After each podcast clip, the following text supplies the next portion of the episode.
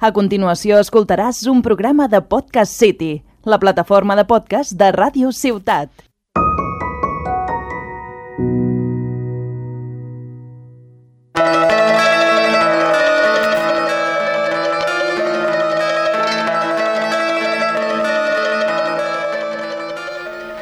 Bienvenidos al penúltimo capítulo de Hablamos de Terror. Hoy, de nuevo, tenemos a un invitado muy, muy cariñoso, muy experto en, tem- en temas de friquismo terrorífico, en la figura de Arnau Curto. A ver, experto, experto en temas de terror, no. Bueno. Pero me dices, pues oye, ¿por qué no hablamos de esto? Yo, pues venga, no sé si voy a ser el más indicado, pero ¿por qué no? Me gusta divagar y me gusta algunos títulos de terror. Los que no cagan mucho, ¿no? Los que- Los que no cagan mucho, aunque creo que el, el- del que hablaremos hoy, uf, depende Sí. de cómo lo pilles, yo lo jugué con 11 años. Y bueno, ahí, ahí, ahí está, ahí La- está. Lamento informarte que hoy vamos a, 14. vamos a hablar de tus peores pesadillas hechas realidad a través del juego Silent Hill. Ah, vale. Bueno, pero también tiene sus películas, tiene cómics y pero todo. en este juego no sale Kim. No, no, no. Kim es, una, es, es más terror cósmico, es más, Ah, lo- es más vale. Lovecraftiano. Ah, vale, vale. Ok, ok. Ok, sigamos. Pero eh, trata más que nada sobre eso, sobre tus peores pesadillas. Ahora, vamos, pongamos un poco de contexto. Háblame tú, ¿qué es Silent Hill? ¿Cómo lo viviste? ¿Qué, qué, qué ¿Cuál es la trama del juego? A ver, lo viví con. No, no con 11 años, sino con 13, 14 años, una cosa así, en un emulador de la Play que se llamaba Emu Raiden. Imagínate cómo, cómo nos tenemos que ver. En un Pentium 3, con un monitor de 21, pul- de 21 pulgadas, que para esa época estaba bastante bien. Estamos hablando del 2005, una cosa así. Y lo viví porque hostia, yo quería jugar a ese juego que todo el mundo había jugado en su momento, yo no. Ya estaban por el Silent Hill 2 o 3 y yo dije, vamos a probar el Silent Hill 1. Y yo ya sabía que era un, juego de terror. mm, Y dije, bueno, pues ya había jugado al Resident Evil 1, o sea que voy a tirar al Silent Hill. Y lo bueno que me encontré de Silent Hill es que era un juego técnicamente muy curioso, muy avanzado para su época, en cierto modo. Y que tiene, tenía un punto de. Un terror que no había experimentado hasta ahora. Que no era el terror de boom, susto, te has cagado, jaja, mm, sigo.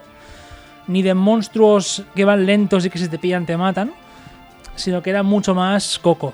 Coco, coco, coco, coco, coco. Y él no es de los terrores que más me gusta experimentar, pero en ese título creo que eso, sumado a que era un una historia muy interesante, pues se fusionaba un poco. Y surrealista, que a mí surrealismo me encanta como concepto. Sí, no, el juego es muy... Trabaja mucho sobre todo con el tema de los sueños, del, inte- del, del inconsciente. Es muy onírico, sí, sí. de lo que tienes dentro. Sé que, bueno, la trama de Silent Hill como tal, por, por lo que puedo recordar y por lo que mm, tengo yo de conocimiento al respecto, va de que eres, bueno, en el primer, no recuerdo si era en el primer juego o en el segundo, eras un, pris- un prisionero que escapaba, o... El primero, eres el padre de una niña Mm, que desaparece, en una- creo que es un accidente de coche o algo así, y que tienes que buscarla por, por el pueblo. por el pueblo de Silent Hill. Exactamente, por, Sil- por Está Silent Hill. basado, leí, sobre un pueblo en Pens- Pensilvania, en Estados Unidos, donde el incendio, o algo tan cotidiano como el incendio de un basurero, acabó en un incendio masivo que cubría toda la ciudad en esta ceniza que caracteriza a Silent Hill.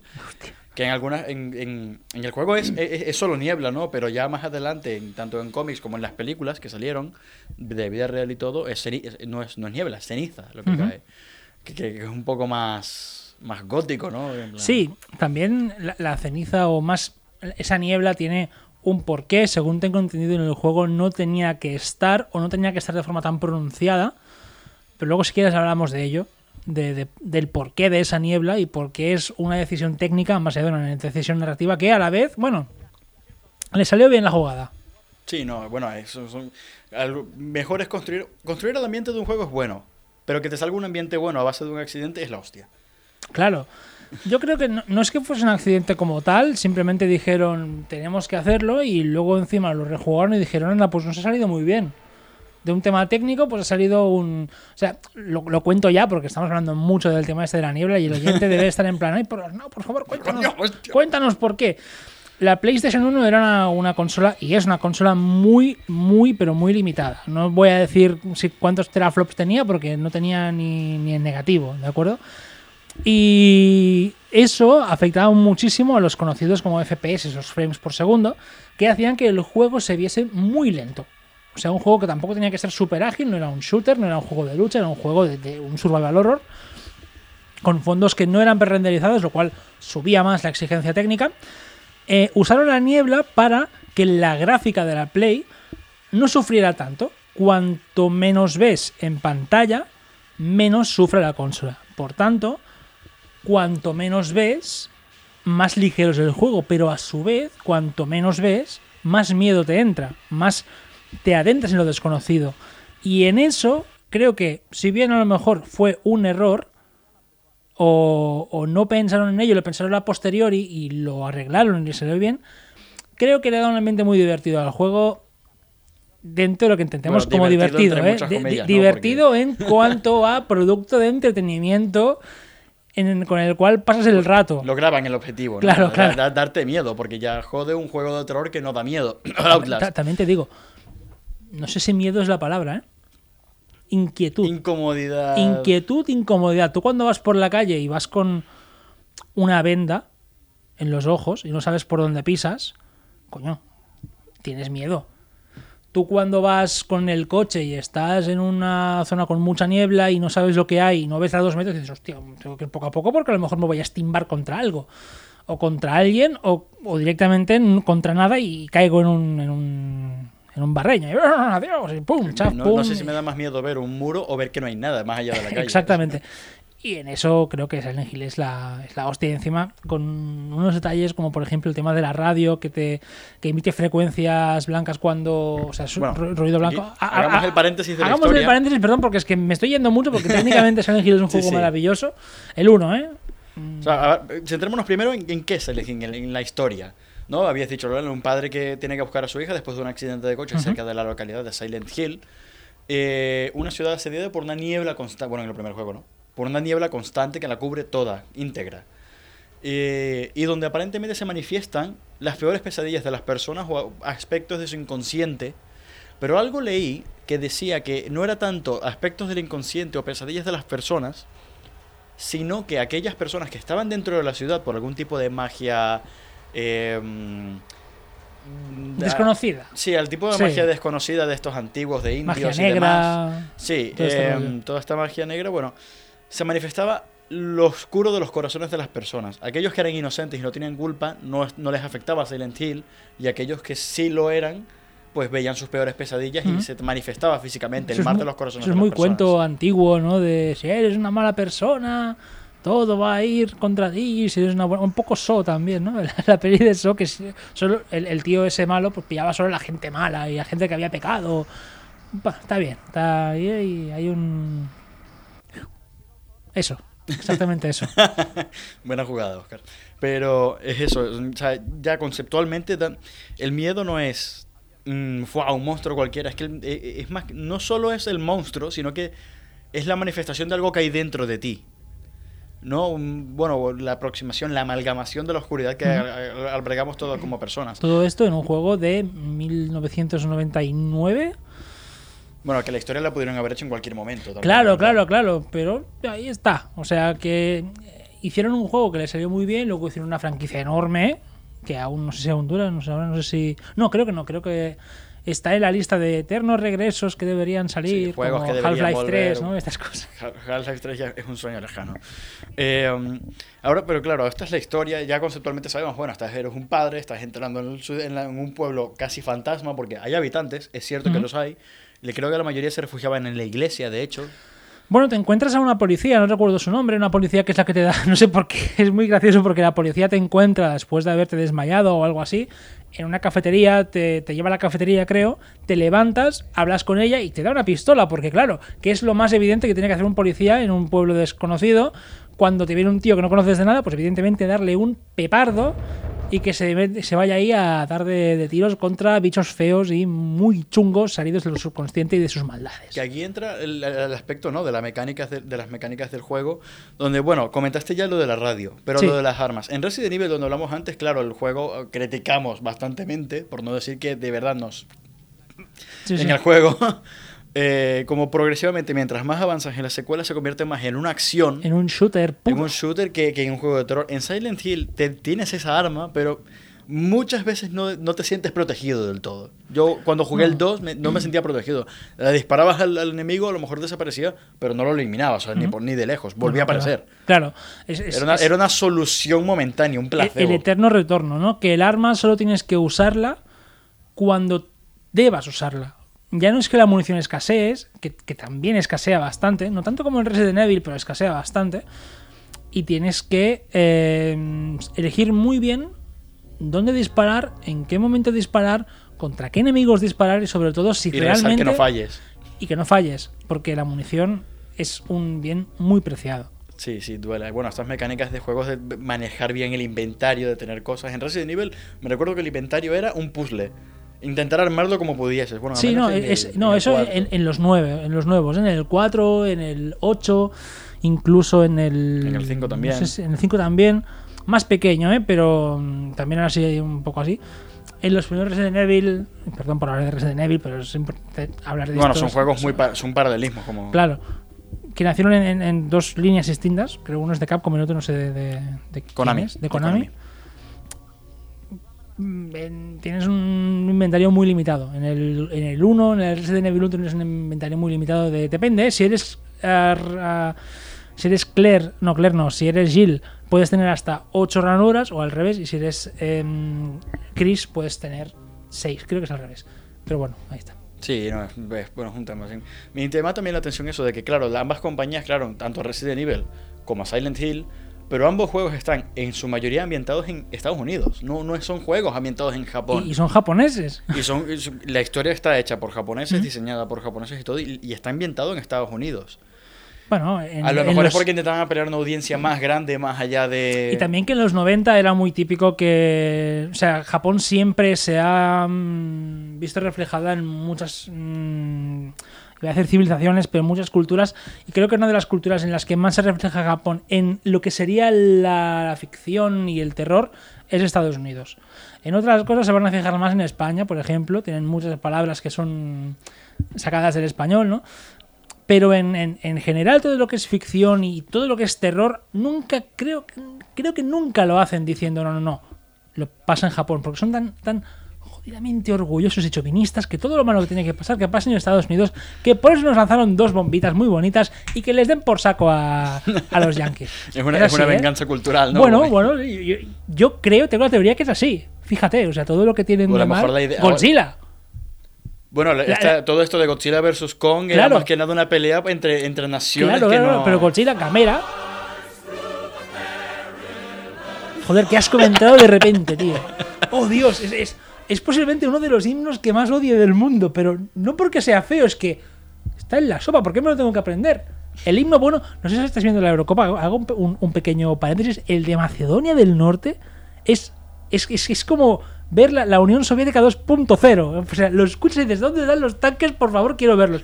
Perdón, ¿eh? eso simplemente era, era, era un paréntesis. Vaya espiral que hemos hecho, ¿no? Que hemos acabado en Godzilla y estamos hablando de Silent Hill. No, pero lo, lo- lo que decía de Godzilla, ¿eh? Que la peli de Godzilla con. ¿Cómo se llama? Jean Reno, creo que es el, el actor que está en Godzilla. Joder, todo destruido, venga, alegría. Y claro, pero como se destruye ahí en Estados Unidos, mm, a mí no me importa. Bueno, pues eso. Sí, ¿no? Y ahora, bueno, la última película, la de Godzilla vs. Kong, este remake tan esperado y que al final, bueno, no fue malo, pero acabó siendo mediocre. Eh, la ciudad que destruyen al final. muchas gracias eso. No, no fue malo, pero terminó siendo mediocre. Bueno, Vale, mediocre, en el, ok, en- perfecto. mediocre en el sentido estricto de la palabra, Sí, de sí, no sí. es bueno, no es malo.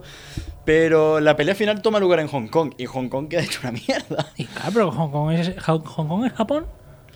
No, ¿Verdad que pero, no? pero sigue siendo una batalla cultural Perdón, perdón, perdón. estadounidense. Hong Kong es China.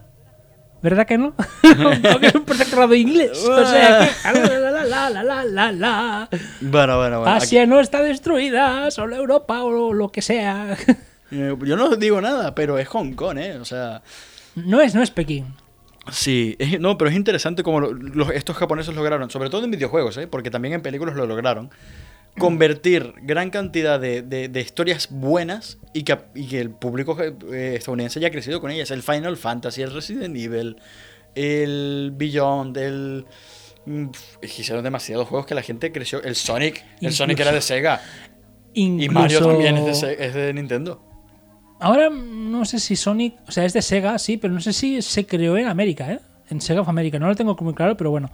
Eh, incluso Final Fantasy, si te fijas, la gran mayoría de sus em, ambientaciones son más europeas que americanas o japonesas. O sea, los primeros Final Fantasy eran muy medievales y la época medieval estaba claramente influenciada por, según los ca- castillos fantasiosos de Europa.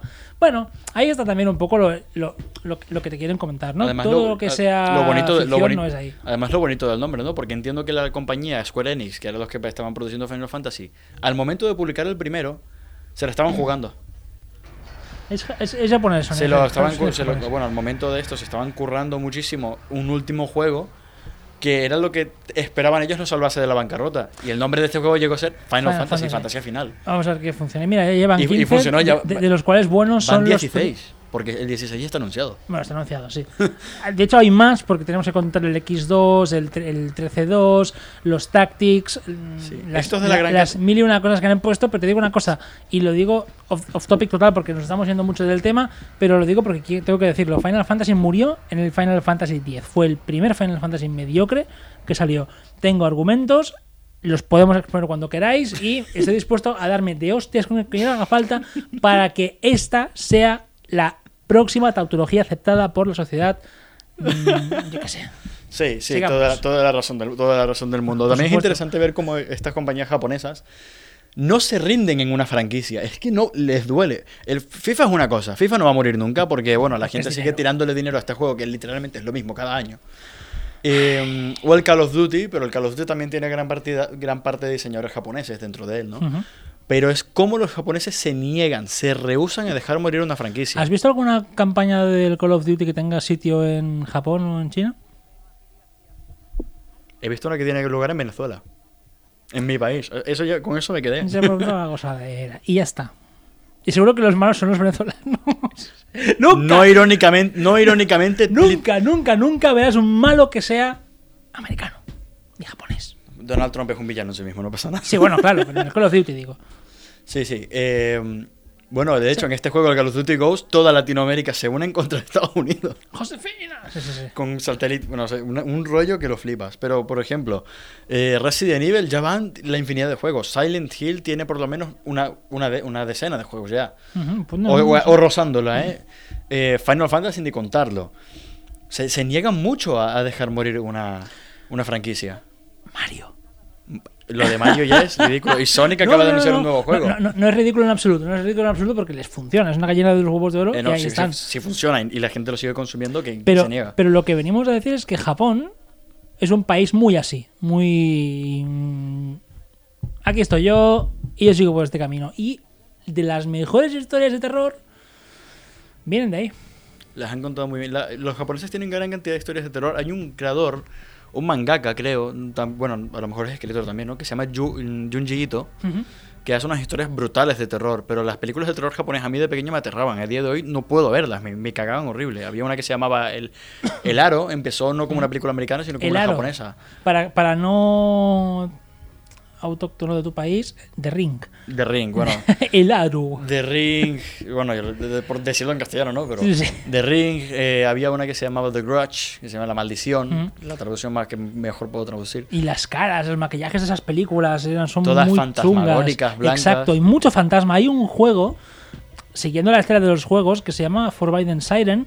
Otro que se llama, no sé si Project Zero o algo así, que no me acuerdo muy bien cómo era. Que tú eres, un- eres una chica que es fotógrafa, que va a casas em, japonesas, las típicas que tienen las puertas de papel y esas cosas. Tienes que ir haciendo fotos y te salen fantasmas. Muy, Sí, muy sí, así. ray- Rayante, rayante. También que porque. Japón es, un- es una sociedad que rinde mucho culto a sus muertos, rinde mucho culto a, a la- a los que ya no están, creen mucho en los espectros, en los fantasmas, y de ahí pues sacan historias de miedo porque ellos creen mucho en eso, ¿no? Ahí Bueno, toda esta espiritualidad, todo esto de que hay más allá de la vida, ya es parte muy fuerte de la cultura japonesa. No solo en, no solo en juegos, no solo en pelis, en cosas como el anime, el manga, la literatura o en, vida cotidiana se, se- se experimenta bastante. Cada festival se celebra algo sobre los espíritus. Y bueno, varias culturas lo tienen. los kamis, esas cosas raras. Sí, sí, sí, sí, se lo- se lo- es vari- eh, te puedes quedar con mucho tema, ¿no? En Silent, me, me gusta mucho como en Silent Hill no juegan con, no son espíritus, no son, no salen de una de alguien que se murió y mantenía una maldición. No Mm. es un No son- no monstruo son que salió de la nada. Es, tal. una, es algo que viene de dentro. Es algo que viene de la persona que entra en Silent Hill. A lo mejor te encuentras un personaje que- o un malo que es humanoide, como las enfermeras del hospital del primer Silent Hill, que mamma mía, qué miedo que dan, que tú sabes que eso no es humano, o sea, ves que tiene cuerpo de humano, pero no es como un zombie que... Sí, esta, se- no, esta no, es- es- semblanza, esta mímesis que hacen de los seres humanos es lo que da más miedo, porque se parece, pero no es. ¿Cómo se llama ese efecto? Ah, el el valle de lo inquietante era que cuando ves algo que se parece mucho a, una a un humano, te da mucho miedo, aunque sepas que es un robot o es una figura o lo que sea, da como un poco de miedo. Ah, No es lo mismo, Sí. pero ahí está. No sé, viene a lo mejor parte del ego del ser humano de decir si algo se parece a mí me da miedo, porque si se parece y no es, ¿Qué es? hostia, es bueno, a nivel natural podrías decir que es competencia. Le disparo. Pero claro, es que en Silent Hill ves unas enfermeras que tienen la cara totalmente trastornada y que caminan como si no tuviesen articulaciones. Ves pares de piernas que caminan, o sea, invertidas. Me recuerdo que había unas piernas que caminaban mm, Sí, cuatro, sí, pier- cuatro gracias piernas pegadas por una de recuperar otra. mi parálisis del sueño. Sigamos. Eh, y después el más característico de Silent Hill, el, ori- el- el que todo el mundo conoce, cabeza de pirámide. El Pyramid Head, el, la mascota de la, de la franquicia, ¿no? Un, ch- un chaval su- tope de musculoso, todo cachas, que carga un machete gigante oxidado, que ¿Ya para qué, no? O sea, ya para qué, o sea, encima oxidado. Y una pirámide en la te cabeza. mato de tétanos. Y una cámara en cabeza. Y lo que más interesante es que todas las criaturas de Silent Hill tienen su propio significado. Eh, Pyramid Head, por ejemplo, significaba, eh, bueno, representaba el odio que el personaje principal tenía por cualquier persona que haya podido hacer daño a su hija. Era un- una representación del castigo que él deseaba imponer en las personas. Y, se- y dentro del mundo de Silent Hill le puede venir la contra, porque es un monstruo que es totalmente independiente de donde se origina. Aunque en otras entregas de la franquicia a lo mejor alguien dice, bueno, pues yo puedo controlar el mío, o a lo mejor no me hace nada por X razón. Pero el punto es eso, ver cómo el, el horror viene de dentro de las personas. No es una cosa que es que tenga una explicación, es que eres tú mismo quien te estás buscando, bueno, buscando, quien generas este horror que te persigue. Entonces, en cierto modo, es el horror a uno mismo, el horror a conocerse uno mismo, ¿no? Hay cosas que, uno- que decidimos no ver en nosotros y que Silent Hill saca a la vida real y, y te quedas horri- horrorizado. Me encanta. Es, es- es otro nivel, es otro nivel. Es otro- ¿Cómo lograron hacer horror en base a... Es que tú te conviertes en el horror. E- Es la mayor putada que te pueden hacer en un Te- juego de te- terror. Sí, te hacen pensar en que, hostia, si esto fuese la vida real, Sí, sí. ¿qué me encontraría yo, sabes? Sí, Conciertos charango por todos los sitios. No. cubrí también un, un juego que se llamaba Layers of Fear, donde un artista pintaba un cuadros y demás, y el horror venía de que el, el artista se iba volviendo poco a poco loco. Es horroroso eso. Pero es que es todo externo, ¿no? Y, y es... No puedo con el Layers. es mucho miedo. da- e- e- es horrible. Da, da mucho miedo, pero el mismo, creo que es un poco un miedo muy parecido al de Silent Hill. Es un miedo de no sabes qué está pasando, no puedes explicar qué está pasando y como no puedes explicar qué está pasando, porque sí, mira, un zombie, ok, hay un virus, de acuerdo, ese virus se expande y bueno, nit. Como no puedes saber qué está pasando y no lo puedes interpretar, tu cabeza te dice, coño, coño, coño, ¿qué está pasando? ¿Qué está pasando? ¿Qué está pasando? ¿Qué está Error, pasando? error, Miedo, error. error, error, error, cortocircuito, terror, miedo, desesperación, apagar la consola, apagar el ordenador, irte a dormir, no poder dormir, levantarte y decir, Pero of Fear por lo menos tiene un buen un final, pues, bueno, de tres finales que tiene, uno de ellos es bonito y es que el, el artista supera su trauma, hace un autorretrato de puta madre y lo logra vender y al final ves al artista en el museo viendo su, su, su obra. En otros finales, bueno, pues se vuelve loco y te das cuenta de que la pintura que él estaba haciendo durante todo el juego era la carne y piel y todo lo, todo lo de su esposa. Eh, y estos son, bueno, finales de juego que muchas veces te quedas rayado y que pueden ser buenos y malos. En el caso de Silent Hill, recuerdo muy bien uno de los finales, que era un perro. Ibas allí ¿De en busca de tu novia. Creo que, era, creo que era uno de los protagonistas que iba en busca de su novia, de su, o de su mujer, en- a- al pueblo de Silent Hill. Y te dabas cuenta que al final el que te trajo a Silent Hill, el que te guió hacia Silent Hill, era tu perro. Y, con- y él y él era el que controlaba todo, pero era un final de coña. No era un final original, pero era un final de coña. Y al final de los créditos veías una foto del cabrón del perro sonriendo. Flipante. Un final grandioso para una, para una película de terror. Rayante. Pero más rayante es el final del episodio de hoy de este podcast. Muchas gracias, Ana, por haber venido A ti por convitarme, como siempre. Y- Co- co- convitarme. y convidarme. Gracias por convitarme. Acuñemos esta palabra, reconocida por la RAE, ¿no? Y tened bonitas pesadillas, revisad qué tenéis dentro de vosotros y aprended si huís de vosotros o de qué huís. y escuchad la radio. Y si veis que la radio por internet hace un sonido blanco, mentira. La radio por internet no hace sonido blanco porque no va por FM. La radio por internet se corta, a veces hace unos, unos ruidos ahí, pero no hace el que cuando lo escuches echa a correr.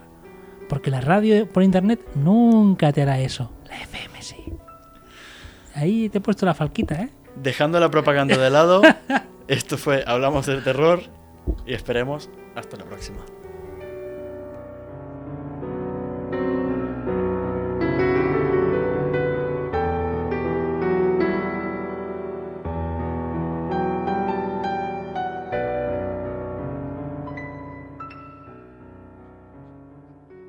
Has escoltat un programa de Podcast City, la plataforma de podcast de Ràdio Ciutat.